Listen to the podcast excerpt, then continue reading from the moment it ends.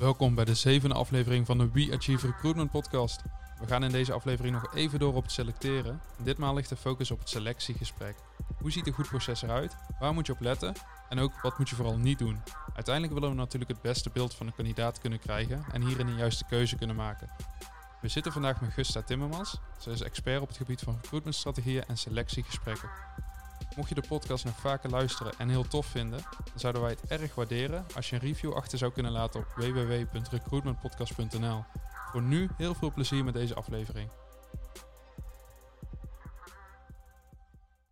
Nou, welkom uh, Gusta. Uh, leuk dat je er bent. Wij hebben jou uitgenodigd als expert op het gebied van uh, sele ja, selectiegesprekken voeren en, en, en arbeidsvoorwaardengesprekken. Daar gaan we het over hebben.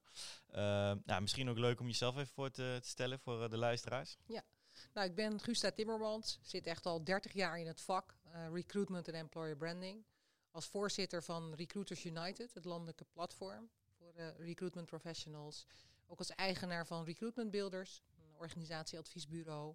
En sommige mensen kennen mij misschien van 10 jaar ING als hoofd recruitment. Uh, en ik heb een boek geschreven over selectiegesprekken. Ja, precies. Ja. Ik zie hem daar al staan inderdaad.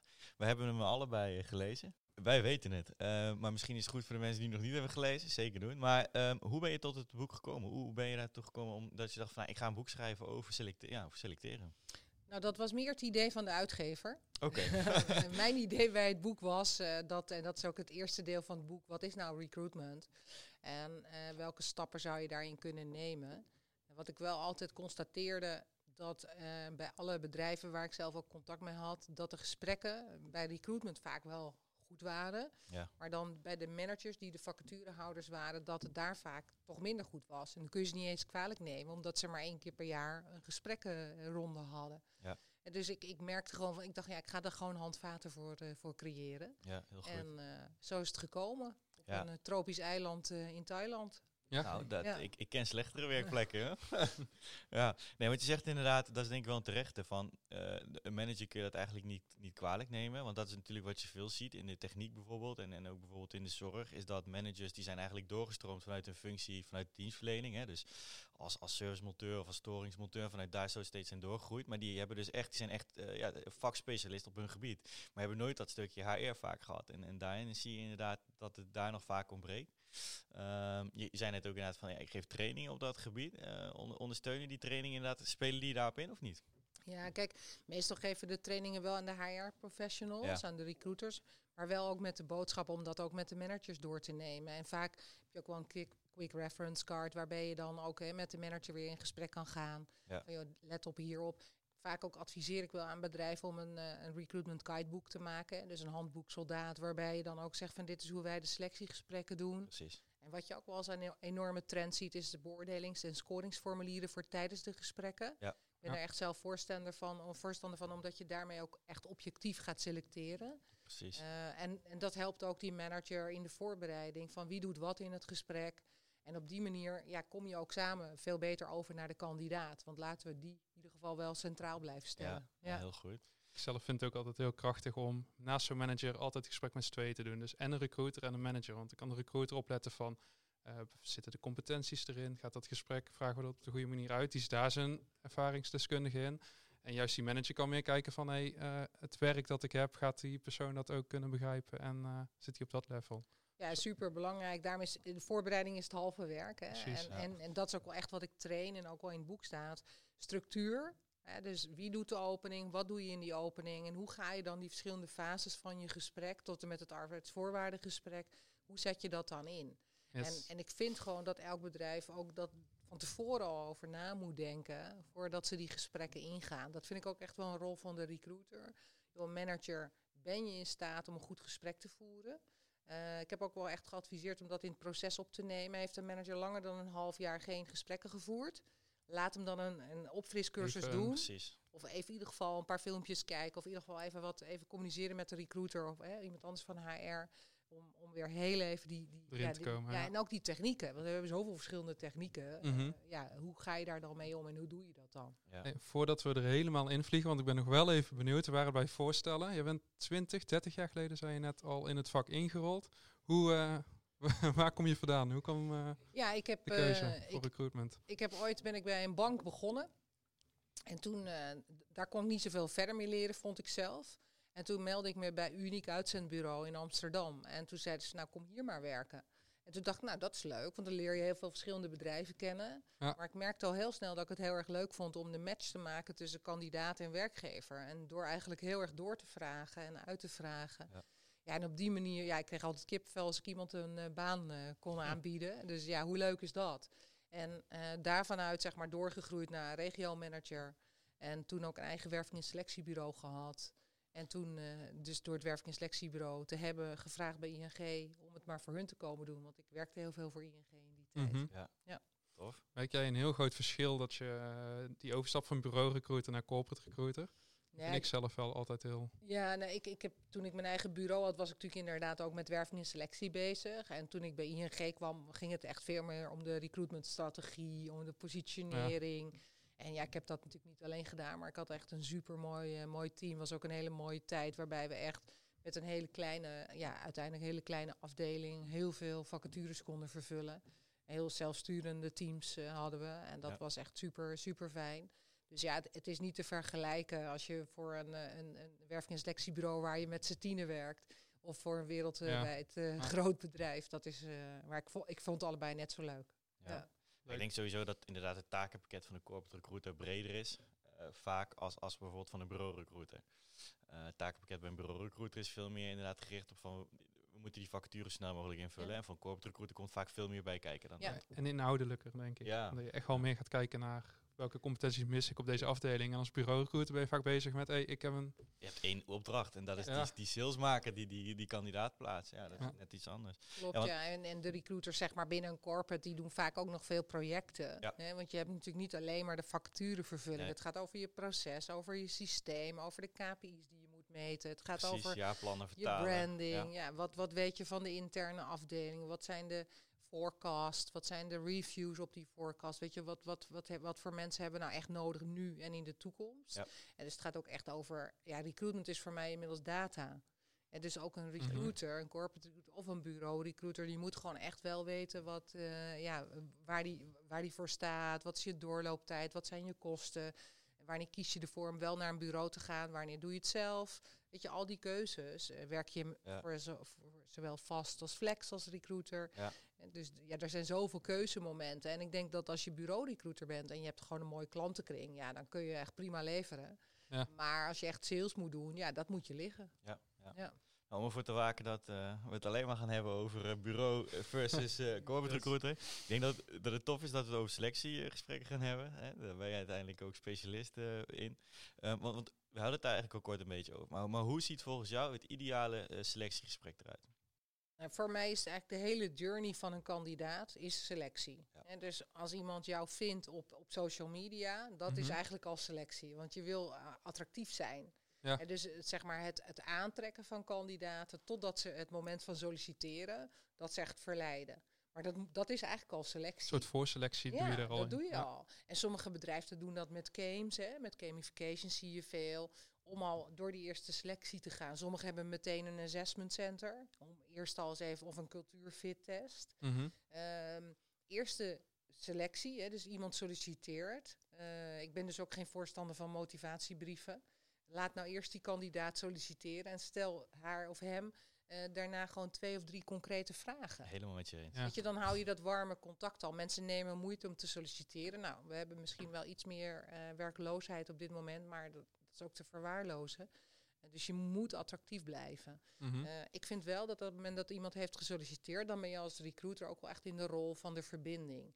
En het kan ook best wel zo zijn hè, dat je dan als eventjes belt met de, met de kandidaat. Joh, je hebt gesolliciteerd, hartstikke goed. Ik heb nog even een paar verdiepingsvragen. En daarna gaan we de balans opmaken. Weet je, dus het kan ook een voorselectie zijn Ja. in plaats van een kennismaking. Ja. Hè, dus eh, waarbij je wel echt ge- gelijkwaardigheid in gesprekken is, is ja mijn toverwoord. Dus eh, belangrijk. Ja, en je hebt elkaar ook allebei iets te bieden. Hè? En je geeft net aan dat je geen voorstander van motivatiebrieven bent. Kun je dat uitleggen?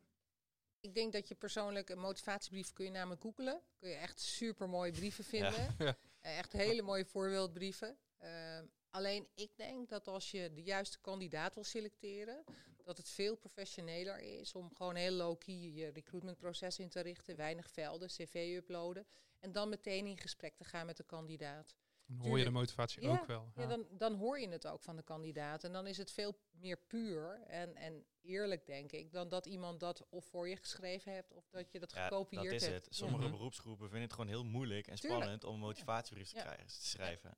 Ja, en, en neem een technicus maar kwaad dat hij niet weet hoe dat moet. Ik bedoel, ja, die heeft alles geleerd eh, over eh, sterkstroom, zwakstroom, noem het maar op. Maar ja, niet over een cv of een motivatiebrief. motivatiebrief? Nee. Dus die, die heeft dat waarschijnlijk op internet gevonden, hè, wat je zegt. Ja. En die is sinds zo'n cv is die weer gaan herhalen. Dus dit heeft heel weinig voorspellende waarde. Dus ik ben daar zelf nooit voorstander van. Nee, helemaal niet in deze markt. Kijk, ik denk dat je lang blij bent als er bijvoorbeeld een keer een projectleider eh, reageert. Tuurlijk. Ja, eh, Ja. wil je dan echt nog dat die een, een motivatie... Misschien is dat bij een projectleider nog iets anders dan bij een monteur. Maar eh, ook denk, ik een beetje functieafhankelijk. Misschien een recruiter of een communicatieadviseur. Daar verwacht je dat misschien toch net even wat meer van. Hè? Ja, ja. Als je inderdaad nog een recruiter hebt die alleen een, eh, een, cv in Word aanlevert. Ja, dan begin ik toch een beetje te twijfelen. Denk van, heb je het wel helemaal gesnapt?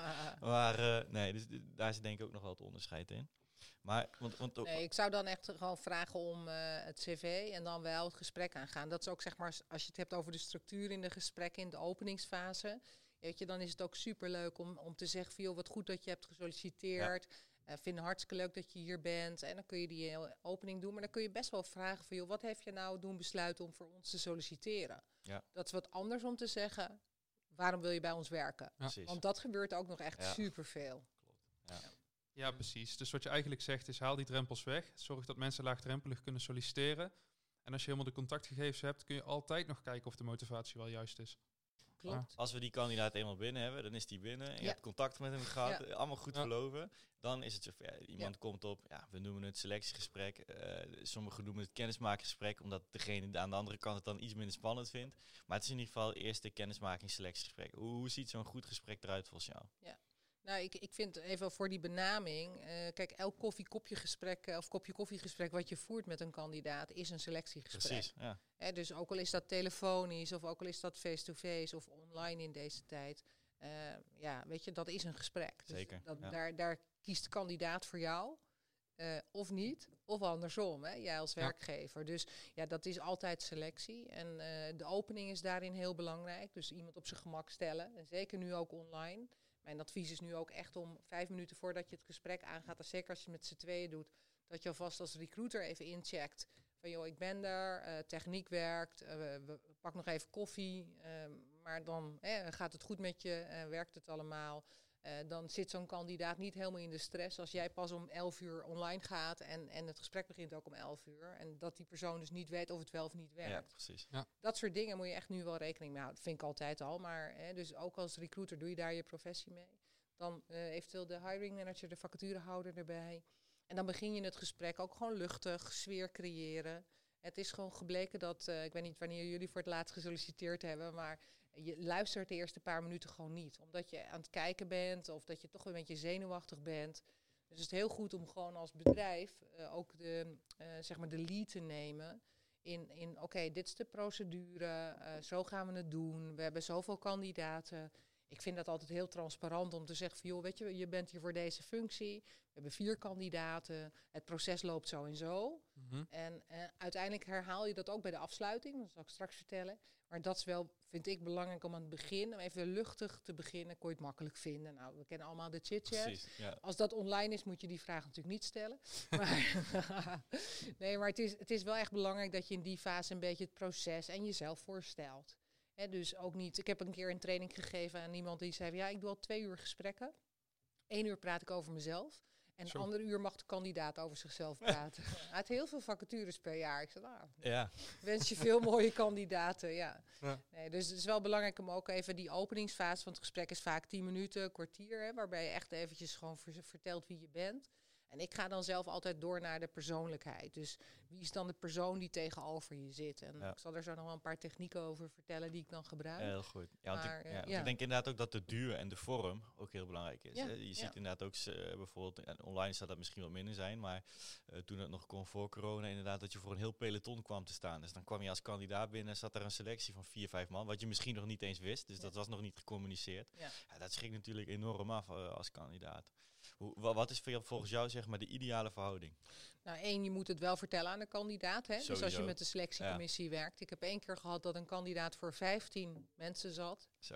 En, eh, maar dat was wel overlegd met de kandidaat en die vond het ook goed. Ja. Dus weet je dan, is, als, zolang die kandidaat, maar je moet ook wel rekening houden dat de kandidaat natuurlijk niet zo snel nee zegt. Want ja, die zit in procedure. Dus je moet ook wel een beetje zelf logisch nadenken wat haalbaar is. Als de rol van iedereen maar helder is. Weet Ja. je, als je alle vier dan, stel dat je een gesprek met z'n vier doet, allemaal vragen gaat afvuren.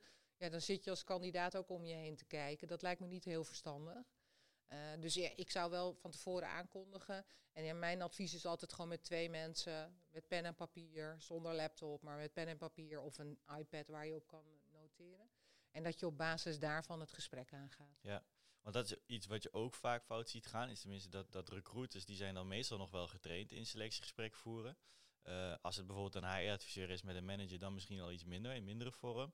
Eh, maar wat je vaak ziet is dat je geen gestructureerd interview hebt. Hè, de voorspellende waarde daarvan is veel minder. Hoe, hoe kijk jij er tegenaan, zeg maar? Zie je dat veel gebeuren? Dat, dat inderdaad dat nog veel gebeurt in de praktijk? Of, of hoop je steeds iets minder? Maar Nee, er gebeurt nog heel veel. Eh, ik denk dat de HR, eh, iedereen die in HR werkt, echt wel goed weet wat, wat de methodes zijn en Ja. hoe je dat doet en hoe je dat gestructureerd doet.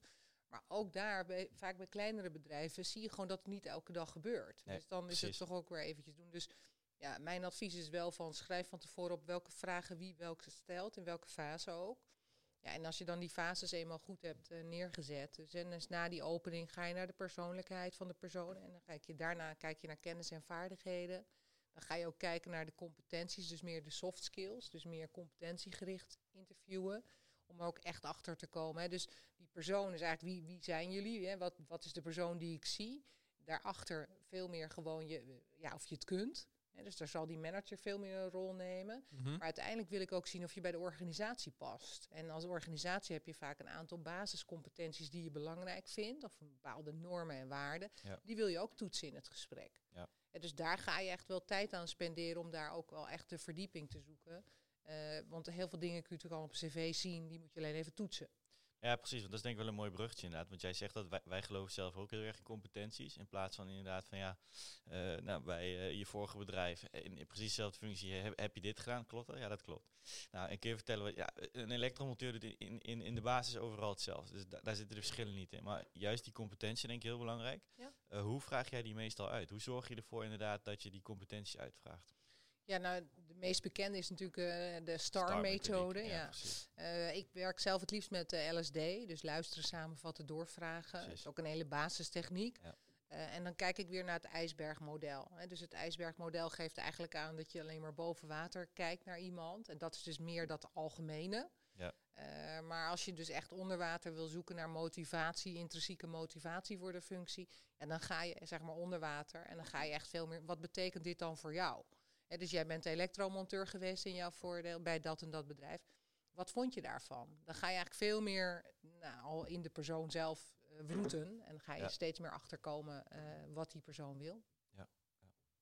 Dat is mooi. Want eh, dat, tenminste, uit mijn ervaring weet ik dat niet alle inderdaad organisaties die hebben een, een bepaald profiel, zeg maar, waar ze moeten. Ze hebben vaak wel een missie en een visie. Maar daar zijn niet altijd bijvoorbeeld de kerncompetentie aan gekoppeld, ook niet per functie. Ehm, zou dat een advies vanuit jou ook zijn? Van ja, ga daar naar kijken inderdaad. Stel eh, aan alle hand van alle functies die je hebt intern, ga daar kijken van welke competenties hangen daar vast. Om op basis daarvan een betere selectie te kunnen maken. Ja, en ook een mismatch te zeker- kunnen voorkomen. Ja, ik zou dat zeker doen. Kijk, je hebt heel veel competenties zijn gewoon generiek. Klantgericht, flexibiliteit, en, nou, samenwerken. Ik vind dat een beetje containerbegrippen geworden. Dus ga nou eens kijken, wat, wat is nou echt belangrijk voor jouw organisatie? Maar dat zie je al in functieprofielen. Soms zie je daar een hele opsomming van 10 of 20 Ja. functie-eisen. Stop daarmee, maak het echt concreet. Wat zoek je voor die job? Ja. Dus, dus maak dat ook korter. En dan kun je ook in je interview zeggen van, joh, weet je, voor ons is dit echt het belangrijkste. Ja. Eh, als, als je bureau-recruiter bent, zou ik ook altijd de vraag stellen van waar ga je straks op selecteren, manager? Hè? Als je dat in je intake met je klant doet. Maar ook de, de recruiter bij een corporate organisatie. Oké, manager, je hebt straks vier kandidaten. Eh, waar, wat is voor jou doorslaggevend? Ja, Dat en ik denk ook de waarom. Ik denk dat die waarom heel belangrijk is. Hè? Dus, dus je vraagt eh, misschien, nou noem eens wat, eh, inderdaad, jij zei ondernemend. Ja. Waarom moet inderdaad bijvoorbeeld een servicemonteur ondernemend zijn? Hè? En als je dat gaat uit, uitpellen en uit- uitvragen, dan kom je inderdaad aan wat, wat eigenlijk de, de essentie is, de, de kern van de boodschap. Dat kan misschien heel iets anders zijn dan ondernemend. Dat het heel goed is om eh, wel van tevoren te bedenken waar wil je als organisatie op doen. Ik zie altijd dat wel dat je een cultuurfit moet hebben.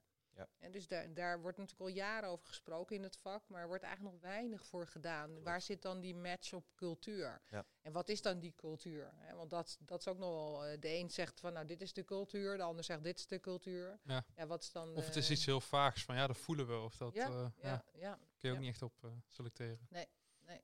Nee, dan kom je op een ander belangrijk punt, het objectief selecteren hè, van Ja. kandidaten. Hoe zorg je daar nou voor in zo'n proces dat het ook objectief gebeurt? Ja.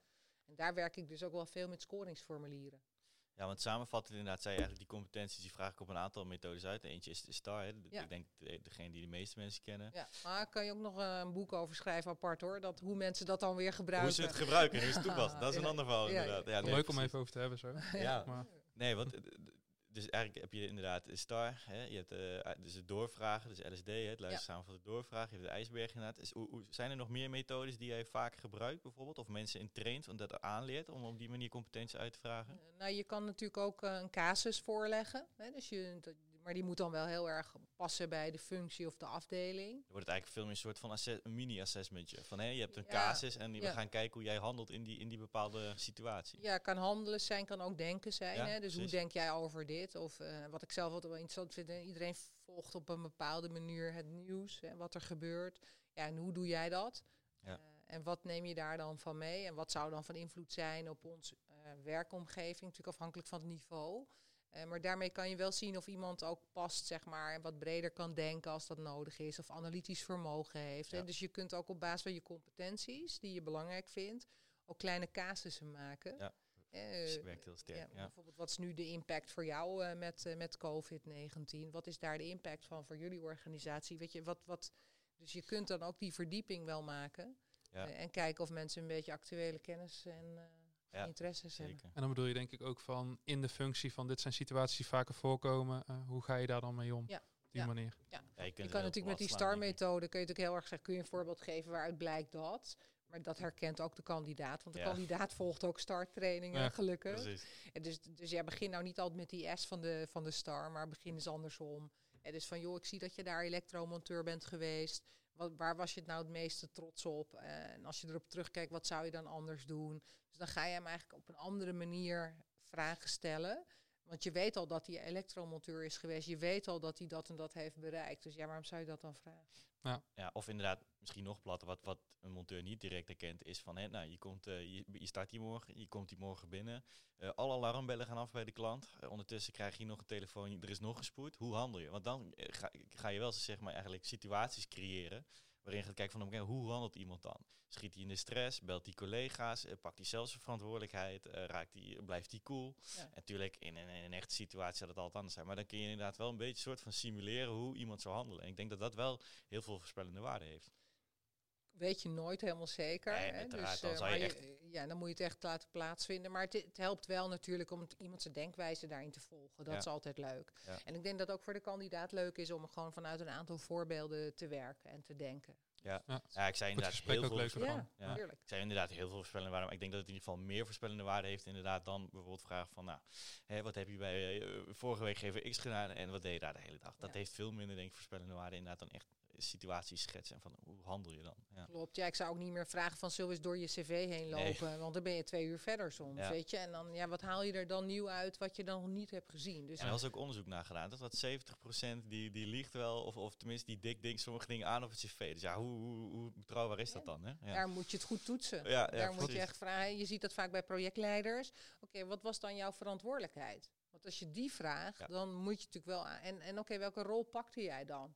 En dus als je, want vaak zie je dan van dat ze verantwoordelijk waren voor de rapportage of voor één product van het geheel. Eh, dat is natuurlijk prima en dat is alleen maar goed. Maar dat zwakt inderdaad wel eh, van die 100 naar 70 procent Ja. eh, af, zeg maar. Ja, Ja. precies. Ja. Ja. Want we hadden het inderdaad al over die, die STAR-methodiek. hè, Dat, dat Ja. wordt op verschillende manieren toegepast. Dat zeiden ze inderdaad een hele terechte.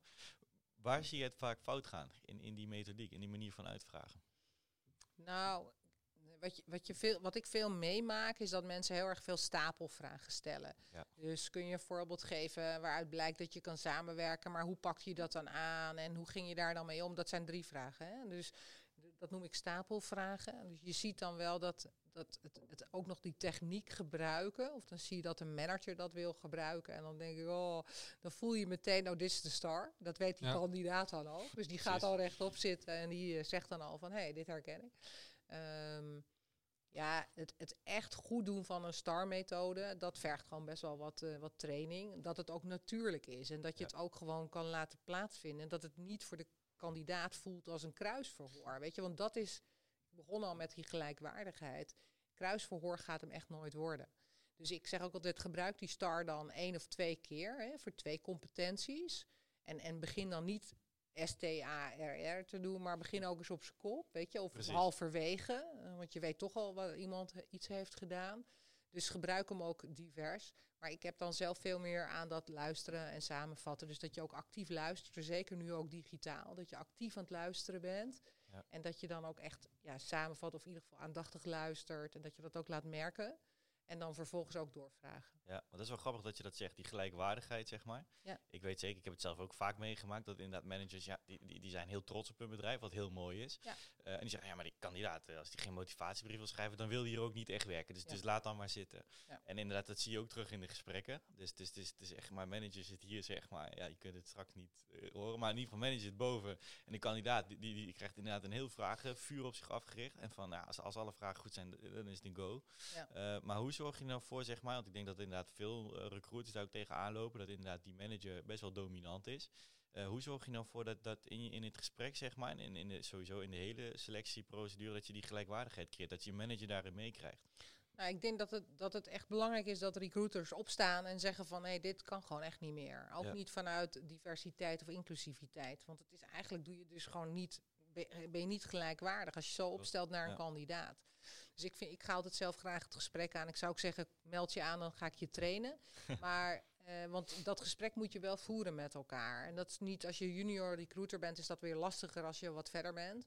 Maar ik vind het ook wel iets vanuit een heel breder HR-perspectief. Dus vanuit een HR-beleid vind ik het ook belangrijk. Ik adviseer het ook wel veel dat mensen dus aan hun skills werken. En omdat je het dus niet vaak doet, Ja. is het ook belangrijk om te zeggen. Misschien denkt die manager wel van ja, ik doe dit al twintig jaar en ik heb één keer in de twee, drie jaar een kandidaat. Ik hoef dat ook niet aan te passen. Maar die markt verandert. Hè. De kandidaat, het is een kandidatenmarkt. Dus je zult wel moeten anticiperen. En ik denk dat je dat bijvoorbeeld aan die manager best kan uitleggen. Ja. Zonder hem, hem of haar daarin tekort te doen. En natuurlijk mag die trots zijn. Dus laat, laat hem of haar dat in ieder geval ook blijven. Want dat is ook positief. Maar laten we wel zeggen van joh, goed dat je hier bent. Eh, we hopen dat je aan het eind van het gesprek net zo enthousiast bent als wij nu zijn. Eh, eh, laten we daar samen zoeken naar of jij de juiste match bent voor ons en voor jou. Weet je? Dus ik denk dat het, die gelijkwaardigheid, dat je daarmee, en daar kan je als een recruiter ook echt een goede rol pakken. Algemeen merk ik ook dat managers er echt wel voor openstaan, maar vaak er gewoon niet over nagedacht hebben dat het zoveel veranderd is en dat de markt veranderd is en dat het ook wel meer van ons moet komen. En Ja. vroeger was er natuurlijk niet zoveel over bekend en ging het allemaal maar zo. Maar die zijn vaak ook heel erg bezig met hun eigen vakgebied. Hè? Eh, dus, dus die staan daar misschien niet, niet altijd even genoeg bij stil. Ik bedoel, wij lezen dagelijks eh, artikelen van Werven en, en, dat, en dat soort forums natuurlijk. En, en ja, dat lezen ze niet. Ik bedoel, die zijn bezig met techniek, zorg, eh, IT of wat dan ook. En die zitten daar heel erg in. Ja, Ja, ik denk maar dat daarom zou dat dus heel erg kunnen helpen als je zo'n scoringsformulier ontwikkelt voor jouw bedrijf. En Ja. dat je ook tegen de manager zegt van joh, in deze fase stellen we deze vragen. En welke pak jij, welke pak ik? Laten we deze competentie in ieder geval uitvragen. Want dat is heel belangrijk. En, en manager houden rekening mee dat het gelijkwaardig is. Want hè, we hebben maar weinig kandidaten. Ja. Geef ze ook wel even. Natuurlijk moet je zo, eh, soms ook even eventjes goed vragen waarom ze dit kunnen of waarom ze dat hebben gedaan. En natuurlijk moet je doorvragen. Maar laten we ook wel even uitgaan van het beste. Ik ben dus ook iemand die zegt positief interviewen. Niet wat ging er slecht, maar vooral wat Ja. ging er goed. En, en als er dan iets fout ging, wat heb je er dan van geleerd? Hè? Dus die reflectie weer. Ja. Ik kan me ook wel inbeelden dat als iemand naar vier negatieve eigenschappen van me vraagt, dat heel de sfeer omslaat. Maar wel een leuk bruggetje voor de volgende vraag. Wat, eh, wat kom je doorgaans nog meer tegen? Wat zijn de veel voorkomende valkuilen vanuit de interviewerskant? Nou, ik denk dat eh, menig recruiter die je ken het moeilijk vindt als er een introvert persoon tegenover hem of haar zit. Ja. Want dan moet je natuurlijk echt vragen stellen en dan Mhm. krijg je hele korte antwoorden. Dus dat vinden, vinden de meeste recruiters die wat extroverter zijn altijd wel lastig. Ja, dan is het wel belangrijk dat je wel door blijft gaan met vragen stellen. En dat je niet denkt, hm, nou, dit is niet eh, de match, weet je. Want je hoeft niet allemaal hetzelfde te zijn. Ja. En dat is denk ik ja, heel, ja, voor mij ook wel echt super belangrijk om daarbij stil te staan. Dus hoe ga je het nou objectiveren? En andere val, valkuil vind ik wel, ehm, doordat iemand bijvoorbeeld een, een, een, een eerste indruk eh, geeft, eh, die heel positief is. Laten we even naar het positieve gaan. Die heel positief is. En dat, je, dat het dus best wel moeilijk is om tijdens het gesprek daarvan af te gaan. Terwijl het misschien niet de beste kandidaat is. Andersom ook, Ja. hè? Dus Ja. dat er iemand binnenkomt dat je denkt, oeh, dit gaat hem niet worden. Hebben we allemaal wel eens gehad. Dat is het Halo-effect, toch? Dat Ja. je die positieve andere eigenschappen dan ook al gaat doen rekenen aan zo'n kandidaat. Ja. Er helemaal niet zo hoeft te zijn. Ja, nee, daarom. Dus het is altijd wel belangrijk. Ik heb daar ook altijd wel met directeuren over gesproken van hele grote bedrijven. Zeiden Gusta, als ik dan zo'n kandidaat voor me heb en ik denk van ja, het is gewoon een hele aardige vent of een hele aardige dame, vind ik het zo lastig om dan nog te denken dat hij het niet zou kunnen. Zei, nou ja, moet je er ook van uitgaan dat het een goede kandidaat is. Maar volgens mij heb je vier kandidaten, dus moet je wel ook Ja. alle vier de juiste vragen stellen. En dan kom ik weer terug, gaat objectiveren, gebruik een Precies, scoringsformulier. Dat je in ieder geval dezelfde vragen stelt. En als je dat in het eerste gesprek niet hebt gedaan op de, competenties die je belangrijk vindt, ja, neem die dan mee naar het tweede gesprek. Ja. zodat iedereen ook onderaan de streep, dat je ook ja, appels met appels kan vergelijken. Als je iemand afwijst aan het einde of aanneemt, en wil je ook wel meteen iemand wat meegeven. Ja. Hè, dus bij afwijzing, ja, de andere kandidaat was beter. Wat heb ik daar mee. nou aan als kandidaat? Heb je toch niks aan? Dus Nee. Weet je, hoe ga je dat dan ook doen? Dan moet je wel met elkaar overleggen van, nou, dit vond ik wel goed gaan in het gesprek. Alleen ik denk op deze, deze dingen dat het niet goed is. En dan is ook een grote valkuil van, van mensen dat ze dan zeggen van, ja, maar ehm, ja, je hebt toch die opleiding niet en dat, dat is toch niet goed. Ja, dat wist je ook voordat je iemand uitnodigde. Precies. Je dus, Ja. dat, dat vind ik dus echt slechte feedback. En Ja. feedback is ook wel echt een, een vak apart om dat op een goede manier te doen zonder dat je iemand krenkt. Hè. Je wil iemand mee, iets meegeven, iets coachend meegeven. Maar je moet ook heel erg oppassen dat je niet gaat discrimineren. Hè. En, Ja. Want de andere kandidaat was beter. Ja, hoezo? Wat zegt dat dan? En nee, je had misschien toch een overal beeld anders. Gebaseerd op al je scores die je hebt bijgehouden. Kwam de andere kandidaat er net wat beter uit. Om Ja. die en die reden. je hebt natuurlijk ook verschillende manieren van feedback geven. hè. Je hebt het Ja. hamburgermodel en noem zo maar door inderdaad. Ja. En, en, en dat is inderdaad misschien ook nog wel een, eh, een leuk trainingsmodel inderdaad voor managers. Ja. Daar kun je dus naar kijken. Deze competenties had ik nodig. Hierop vond ik dus, doordat ik dat gevraagd heb en deze situatie weer heb gehoord, dat we daar twijfels over hebben. Ja. En dan kan ik kandidaat er ook iets mee. Dan weet hij concreet van, oh, dus Maar Ja. wat ik altijd wel ook adviseer is vraag aan de kandidaat of die open staat voor die feedback. Hè. Dus als je iemand belt Slim, of ja. terugkoppeling geeft van joh, helaas je bent het niet geworden. Ehm, sta je open om feedback te krijgen als een kandidaat daar niet aan toe is of niet voor open staat, doe het dan ook niet. Want dan breng je alleen maar schade aan. En eh, weet je, het heeft allemaal te maken met die hele kandidaatervaring. mhm. Als jij iemand ook heel raar afwijst, ja, dan gaat hij daar toch wat van vinden. En dan gaat hij Ja. of zij dat toch posten. En, en Ja. weet je, dat, dat hele ja, openheid en transparantie is mooi, maar wees wel voorzichtig met wat je teruggeeft. Dus Ja. ik, ik zeg altijd, doe een tip en een top. Weet je, wat ging goed en wat kan beter. Ik ben er ook best wel voorstander van. En ik heb er eigenlijk nog nooit, zeg maar, echt kandidaten die blij zijn dat je op zo'n even de tijd voor ze neemt, nog eens even spreekt. Ook al zijn ze het niet geworden, dat ze dan toch nog als soort van ambassadeur eh, het hoofdstuk afsluiten. Ja. Dat is. Nou ja, het, het is ook wel echt uit onderzoek gebleken dat als je een kandidaat op een positieve manier ook afwijst, hè, dus wel ook iets meegeeft, dat, dat de kans 95% is dat hij weer opnieuw gaat solliciteren. Ja. Ja. Dus en ja. wie weet dat het dan wel Ja. past of Ja. klikt. Ja. En over de afwijzing gesproken, wanneer kan het via de mail en wanneer doe je het persoonlijk? gewoon doet, hè, zoals we net begonnen, van joh, oké, ik heb je cv ontvangen, kun je nog even, en, en je denkt het is niet de juiste kandidaat, dan mag je ook zeggen van nou, ik, zie toch onvoldoende, dan kan je het meteen doen. Ja. En natuurlijk, als, mensen, als je 100 sollicitaties hebt, dan moet je wel ook eh, met, met de stofkam er doorheen. Eh, maar als je iemand live gesproken hebt of online, eh, dan, eh, dan moet je die persoonlijk afwijzen. Maar ik heb ook een Ja. mooi voorbeeld van Zonos. Die lieten dus alle mensen die op gesprek kwamen in, in de wachtkamer hun favoriete muziek horen. Dat vroegen ze vooraf. En eh, als je was aangenomen of eh, werd afgewezen, kreeg je een kortingvoucher van 25% korting op de Sonos-apparatuur. En 50% heeft daar gebruik van gemaakt. Zo. Ja. Dus nou ja, dan moet je natuurlijk ook nagaan, eh, hoeveel sollicitanten heb je? Hè? Ja. Dus, dus, want dat kan natuurlijk ook best wel weer interessant zijn. Maar dan heb je dus een mooie experience georganiseerd voor je, voor je kandidaten. En ja, dat vertelt zich wel weer door. Ja. Ja. Iemand die afgewezen is en toch nog je product gaat kopen, zegt ook iets. Ja, dan is het een goed proces Ja, geweest. ja. Maar heel even, want ik vind het wel leuk om aan iemand anders te vragen. We hadden laatst een discussie. Toen eh, eh, wijs je iemand af. Ik zei, doe het lekker op de vrijdag. Dan gaat zo iemand weekend in zonder afwachtend te, te zitten en dat, uh, dat nog mee te nemen, zeg maar. Terwijl jij weer zoiets had van, gaat toch niet iemand rot het weekend insturen? Dat doe je toch op maandag? Nee, iemand Zie- om vrijdag om half vijf nog een afwijzingsmail sturen of, of bellen, zou ik zelf nooit Ik doen. vond het heel netjes altijd om de week af te sluiten en zeker te weten dat iedereen gewoon lekker Ik zou, wist wat eraan, waar die aan toe was. Ik, ik, heb, eh, ik vind altijd de wow-factor, hè, dus of je nou positief nieuws brengt of negatief nieuws, maar je hebt afgesproken met de kandidaat aan het eind van het gesprek van, joh, wanneer kunnen we jou het beste bereiken? En eh, ik zou wel dat zo snel mogelijk doen. Hè, dus je, als je zegt van ik heb vier kandidaten en vrijdag spreken, ochtend spreken we de laatste kandidaat. Dan weet je dat je vrijdagmiddag... Ja, we bellen je vrijdagmiddag. Als je het aankondigt, dan, dan is dat ook goed. Ja, ik vind gewoon je moet transparant zijn. Hoe spannend is het niet om te solliciteren? Mhm. En anders gaat iemand het hele weekend spannend in. En nu, ja, weet je, het is echt vervelend, want iemand zijn leven hangt er soms vanaf. Hè? Ja. In ieder geval de bron van inkomsten. Maar ja, tegelijkertijd moet je wel heel open en transparant zijn. Om er even terug te pakken. We hebben het vooral over de gesprekken gehad. We hebben het ook eventjes over assessments gehad. Wat ik ook nog wel interessant vind. Geloof je dat assessments nog wel ook een keer de selectiegesprekken kunnen gaan vervangen? Dat die zo voorspellende waarde hebben dat je eigenlijk zoiets hebt van, nou, laat maar positief assessment, laat maar binnenkomen. We hoeven niet met... Nou, er is natuurlijk heel veel te doen om ook hè, unconscious bias. Hè, dus, dus ga je nou eh, anoniem solliciteren? Hè, de- ga, je cv's doorsturen zonder naam en, en, en geboortedata? Ja. Eh, uiteindelijk zit iemand voor je. En uiteindelijk heb je dus allemaal je vooroordelen. En dat Ja. is ook heel gezond, want dat, dat is gewoon hoe het is. Als je er maar van bewust van bent dat je er niet op selecteert.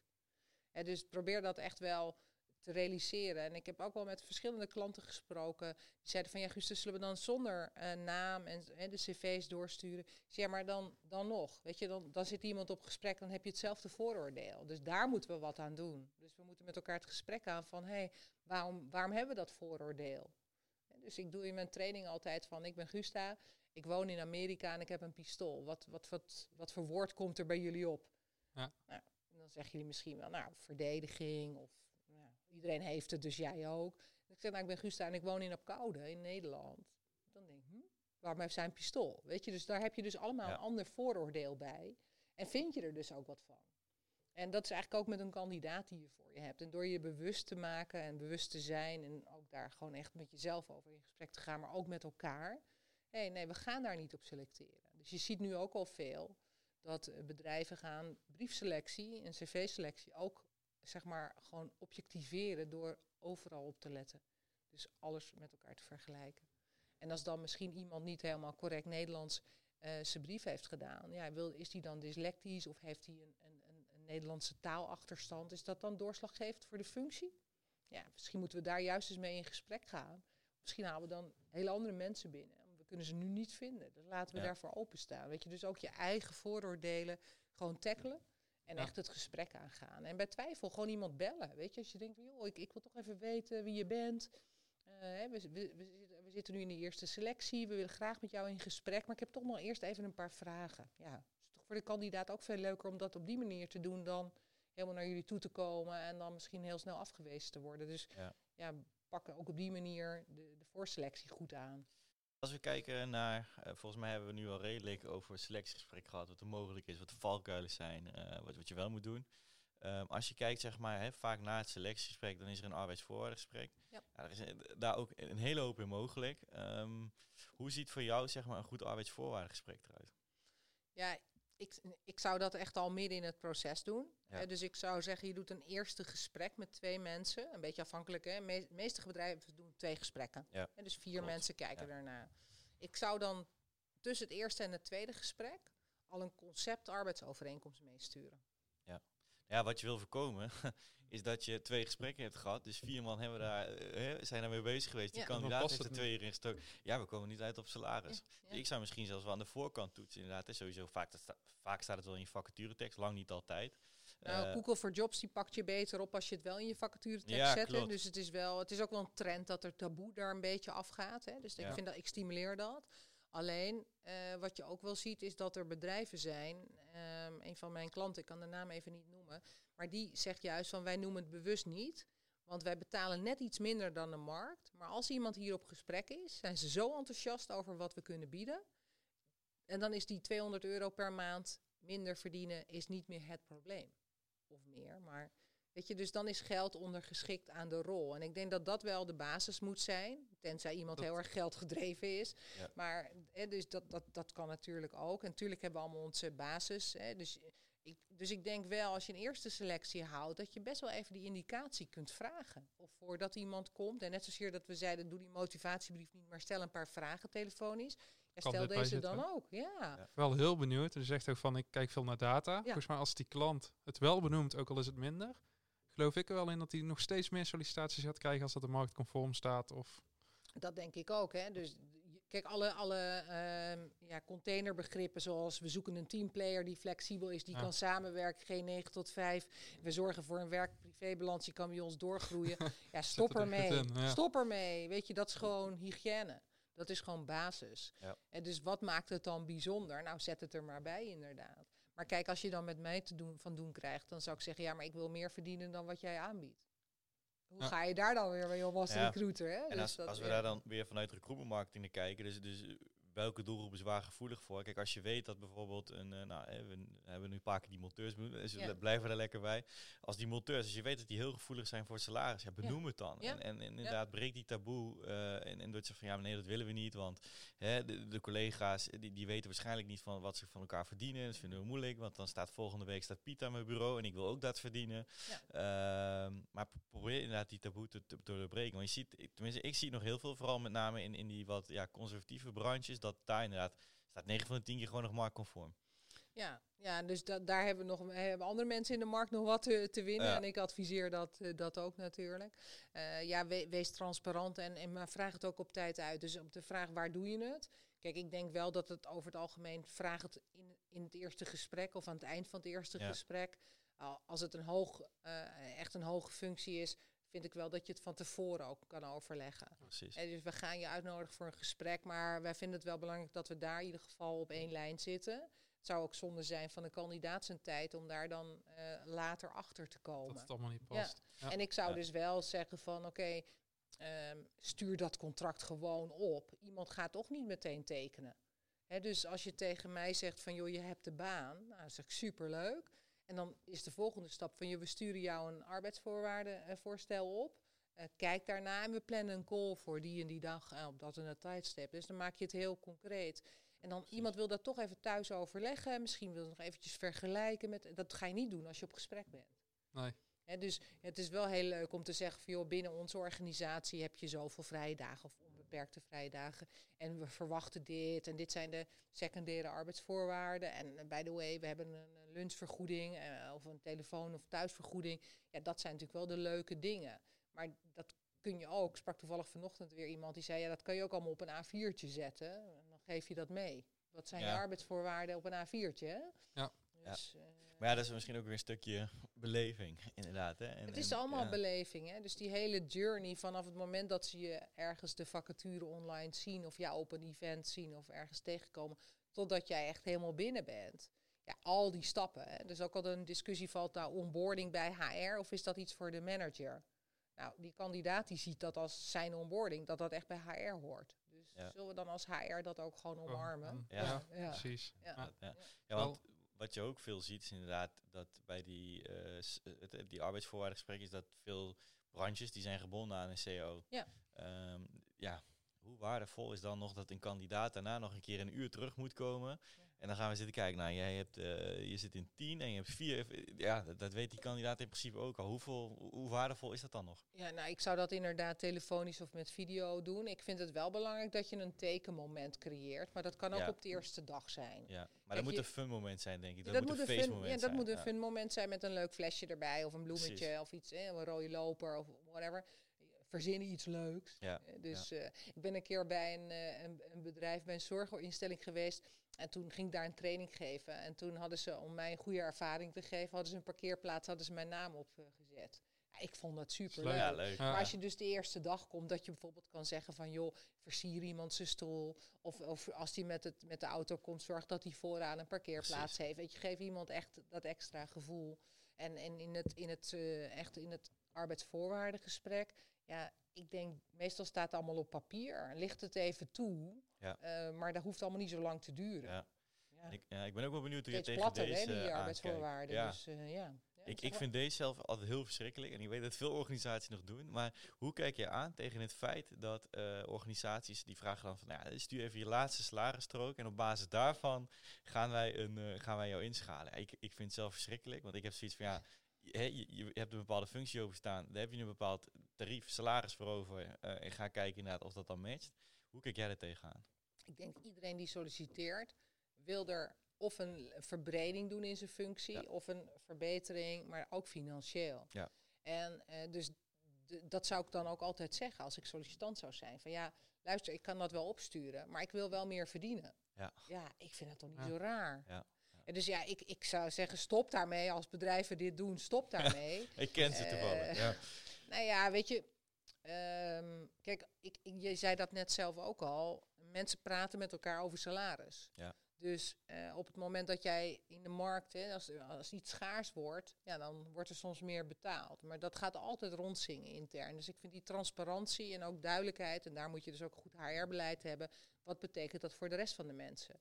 Ja. En, en ga je die dan ook in de loop van de tijd ook mee, want anders gaan ze weg. Weet je, mensen gaan daarover praten. En als iemand, zeg maar, die, die, ja, gewoon niet, niet die, die, ja, dat gevoel heeft van rechtvaardigheid. Ja, kan ik me zomaar voorstellen dat ze Mhm. dan denken van ja, maar dan, wat is dan mijn loyaliteit nog? Precies. Ik snap, ik snap eigenlijk het verband ook niet echt. Want je, wat we zeggen, we hebben bepaalde competenties. Ja. We hebben een bepaalde functie. We hebben daar iets voor over. Dat weet je van tevoren al. Wat heeft die salarisstrook dan nog met... Heeft er toch helemaal niks mee Nee, te maken? nee. Nee, Dat- ja, ik denk dan van ver- vertrouw je dan de kandidaat niet? Dus dat, Ja, dat, dat denk zou ik nog van, kunnen, Ja. ja. En al maakt hij een hele grote stap, nou, dan heeft hij waarschijnlijk te weinig verdiend in zijn vorige baan. En is dat Ja. misschien wel de reden geweest dat hij hier of, zit. of heel commercieel om eh, go- goed te onderhandelen. Ja, goede ook. skill in onderhandelen. Ja. competentievinkje, Ja, ja, ja. daarom. De, vraag is of dat belangrijk is inderdaad. Als of iemand er nou drie, 300, 200, 50 euro vooruit gaat. Ik denk dat het inderdaad gaat van, eh, jij zoekt iemand met bepaalde competenties om je organisatie te versterken. Daar heb je een x bedrag voor over. Ja. En matcht dat dan? Matcht dat? Ja, of dat dan toevallig 200 euro meer is dan bij zijn oude werkgever. Ja, dat maakt het niet uit. Nee, maar dat is ook helemaal niet relevant. helemaal want niet jij, relevant, jij moet denk ik als bedrijf bepalen, wat is jouw eh, bandbreedte? Precies. En dat is net zozeer dat als je naar een bureau gaat voor een interimmer, dat je zegt, dit is de bandbreedte. Dat moet je ook benchmarken. Je moet dat continu up-to-date houden. Ja. En dus dat, ja, dat, Ja. dat zie je dus niet alleen met vast, maar ook zeker met flex is dat nog makkelijker bij te houden. Wat gebeurt er in die markt? Ja. Nee. Zo is er nog eentje die ik ook eh, een beetje in dezelfde trant, dus vragen voor referenties. Ja. Ik ook eentje die, ja, ik persoonlijk heb er ook zoiets, waarom zou je iemand die je nog niet kent meer vertrouwen dan degene die voor je aan tafel zat? Maar hoe, Nou, ik vind referenties, als iemand is aangenomen en zijn baan heeft opgezegd, eh, kan het wel ook bij de ontbindende factoren zitten. Want je weet nooit helemaal hoe iemand weg is gegaan. En dus Mhm. een verklaring omtrent gedrag kan natuurlijk een aantal dingen uit je verleden naar boven halen, of Ja. recente of, of eh, verleden. Maar ik vind wel, als je een, bepaalde functie gaat doen, ehm, is referenties vragen is niet raar. alleen, eh, je bent eigenlijk, je mag alleen maar positieve referenties Ja. geven. Dus ook al zou die met een probleem weggegaan zijn, dan zou dat eigenlijk nog steeds niet naar boven mogen komen. Nee, maar als jij de vraag stelt, zou je deze persoon nog een keer opnieuw aannemen? Weet je Dan- genoeg? dan Ja. weet je genoeg. Ja. En dan vind ik het wel belangrijk dat je weer met de kandidaat in gesprek gaat. Van joh, we krijgen geen positieve referentie. Wil je het zelf uitleggen? Of De vraag is alleen wel, kijk, een kandidaat geeft zelf zijn referenties op. Ja. Dus jij mag die en die bellen, eerder Ja. mag je niet bellen. Ja. Eh, ja, je gaat natuurlijk nooit een referentie opgeven die, waarvan je weet van nou, daar heb ik een beetje die kantjes ervan afgelopen. Daar gaan ze nooit positief nou, je zou ze de kost geven hoor. Ik ben wel eens echt door, door oud-medewerkers die mij dan niet informeerden. Dan ga ik al ver terug hoor. Maar die mij niet informeerden dat ik referent was. En dat ik, ja, dat ik dan ook niet te veel kon zeggen, omdat ik er dan geen positieve ervaring mee had gehad. Ja. En dat is ook lastig voor mij, omdat je, ja, je wil niet. Dus ik zei altijd wel van welke functie gaat iemand doen. Ja. En dan als het een andere functie was dan die persoon bij mij had gedaan, zei ik ook van ja, maar ja, dat is niet te vergelijken. Want bij mij was dit en dit de rol. En de rol die jij nu biedt, daar kan ik dus geen antwoord op geven. En dan, ja, dan is het misschien ook wel even makkelijk om het weg te zetten. Maar ja, ik Ja. vind wel, iemand kan ook totaal anders weer bij een andere werkgever werken. Hè? Dus ik Ja. vind ook niet dat je iemand, als die bij mij niet functioneert, ik wil niet zeggen dat die ergens anders niet eh, functioneert. ja. Nee. En je moet uitkijken dat als je aan een bureauzijde zit, eh, je belt voor de referentie, dat het andere bureau er niet achter komt van, hé, hij is weer beschikbaar, laat hem ook eens bellen. Ja, dat, kan is, ook. eh, dat En is ik ook heb een het gevaar. ja. Andersom een keer gehad dat, eh, dat ze aan mijn referenten vroegen en dat ik een oude detacheerder heb gebeld. En die zei van, Stefan, prima jongen. En ik heb er ook nog drie op de bank zitten. Misschien zou je die ook eens willen spreken. Ja, ja, Moet je ja. ook mee uitkijken. Ja. Maar dat is, ja. Ja. Dat, eh, Ja, ik weet welk voorbeeld jij bedoelt. Ja. dat voor referenties. Maar Ja. Nou ja, ehm, ja. ja. Ja, ik denk dat we naar de afronding een beetje Ja, gaan. ik Alleen, ik, heb ik- wel een hele leuke vraag dan. Ja. Zijn er nog dingen van het selectiegesprek die, we, die je nog graag had willen vertellen, maar die we misschien nog niet behandeld hebben? hey, die komt uit mijn boek. die komt bij de afronding eh, vragen. Nou ja, kijk, ik, ik, zeg, ik kan het nog even herhalen. Ehm, zorg voor gelijkwaardigheid. Zorg dat je goed voorbereid bent. En zorg ook dat je facturenhouder, hiring manager goed weet dat het een kandidatenmarkt is. Dat je gewoon echt op een normale manier met elkaar communiceert. En, en dat we dus allebei belang hebben om de juiste personen aan te trekken. Ja. En, ehm, ja, en stel gewoon normale vragen en licht ze ook toe. Als je zegt van ja, maar binnen onze cultuur is het gewoon echt belangrijk in dit bedrijf dat we ja, elke dag met elkaar lunchen. Hoe, hoe kijk jij daarna? Of eh, wij gaan elke dag eh, yoga doen tussen de middag. Dat kan namelijk ook. Mhm. Maar ja, hou je daarvan? Weet je, je wil ook een beetje natuurlijk wel zien wat voor persoon je hebt. Dus stel gewoon, maar we lichten het ook toe waarom je iets vraagt. Niet Ja. van, hé, hey, wat is nou je motivatie om hier te werken? Ja, mm, anders zat je hier toch niet? Ja. Ja. Dus eh, ja, wees, wees ook gewoon open en zorg dat je bewust bent van die hele kandidaatervaring, die candidate journey. En die start dus al als iemand jullie online ziet, of misschien een mailtje stuurt. Eh, zorg voor een nette afwijzing. Hè, dus feedback goede manier. Ik heb nog één interessante vraag die in één keer nou bij me omhoog Ja, plopt. Ik Je zag zegt hem, ik ervan, zag het, ja. Ja, Ja, zie ja, ja, ja. de rest niet. Maar ehm, je zegt ook van ja, misschien binnen onze cultuur vindt het heel fijn om yoga met z'n allen te doen. Ja. Maar hoe, eh het kan best wel weer zijn dat dat allemaal weer dezelfde types zijn. Hoe in het kader van diversiteit, hoe ga je daar dan mee om? Want het kan misschien ook best wel goed zijn om iemand. Juist, ja, ja. Nee, maar je kan wel zeggen van, joh, wij doen veel yoga. Als iemand je wel of niet leuk vindt, ik bedoel, maar je kan dat wel zeggen. Ja. Wat, wat vind jij leuk om tussen de middag te doen? Mag iets heel anders Ja, zijn en dat is ook prima. Is ook goed, ja. Ja. Dus da- dat, is, dat zijn inderdaad wel die valkuilen, dat je dan meteen denkt, nou, iemand moet ook van yoga houden. Ja, Terwijl iemand niet. Ja, maar misschien zegt iemand, nou, ik vind het altijd wel lekker om even alleen te zijn tussen de middag. Ja, ook goed, weet je. Maar Mhm. je vindt het wel leuk om die vraag te stellen. Ja. En, en dat is ook van, en, ehm, het is ook wel een vraag van, werk je liever alleen of in een team? Ik vind het namelijk helemaal niet raar als mensen zeggen, nou, voor sommige stukken of documenten die ik moet maken, wil ik echt even alleen. Om het vervolgens weer te delen en ook feedback te vragen. Precies. Maar in sommige dingen vind ik ook leuk om meteen in co-creatie samen te gaan doen. Maar dat zijn ook weer die verschillende types. Dat is Ja. een blauw type, een rood Ja, type. En ja. ik denk dat dit juist, nou, maar goed, we hadden het net al over, die, die balans moet goed zijn. Moet Ja, maar dat is ook wel een van de vragen die je natuurlijk kan stellen. Van als je erachter wil komen wat voor persoon je tegenover je hebt. Welke rol pak jij in een team? Precies. Weet je, dan heb je een hele algemene vraag. Doe je er zonder je vooroordelen. Maar je, je zoekt wel naar, oké, past dit dan in onze afdeling? Ja. Nou, maar dan sluiten we het af met drie tips. Maar dit waren er, eh, ik geloof, eh, zes of zeven in één. Dus dat is hartstikke goed. Super, dankjewel. Eh, ja, in ieder geval, hebben een leuke middag gehad. We zijn nog meer te weten gekomen over eh, selecteren, arbeidsvoorwaardengesprekken.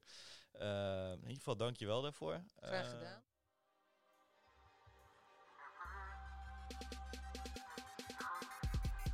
Dit was alweer de zevende aflevering. We hopen dat je er veel aan hebt gehad en nog meer uit je selectiegesprekken gaat halen. Heb je nog vragen voor ons of voor een van de gasten? Stuur ons dan vooral even een berichtje via LinkedIn. Kijk ook nog even op recruitmentpodcast.nl. Je vindt hier nog meer interessante recruitment shows en je kan ons natuurlijk een review geven. Bedankt voor het luisteren en tot snel weer.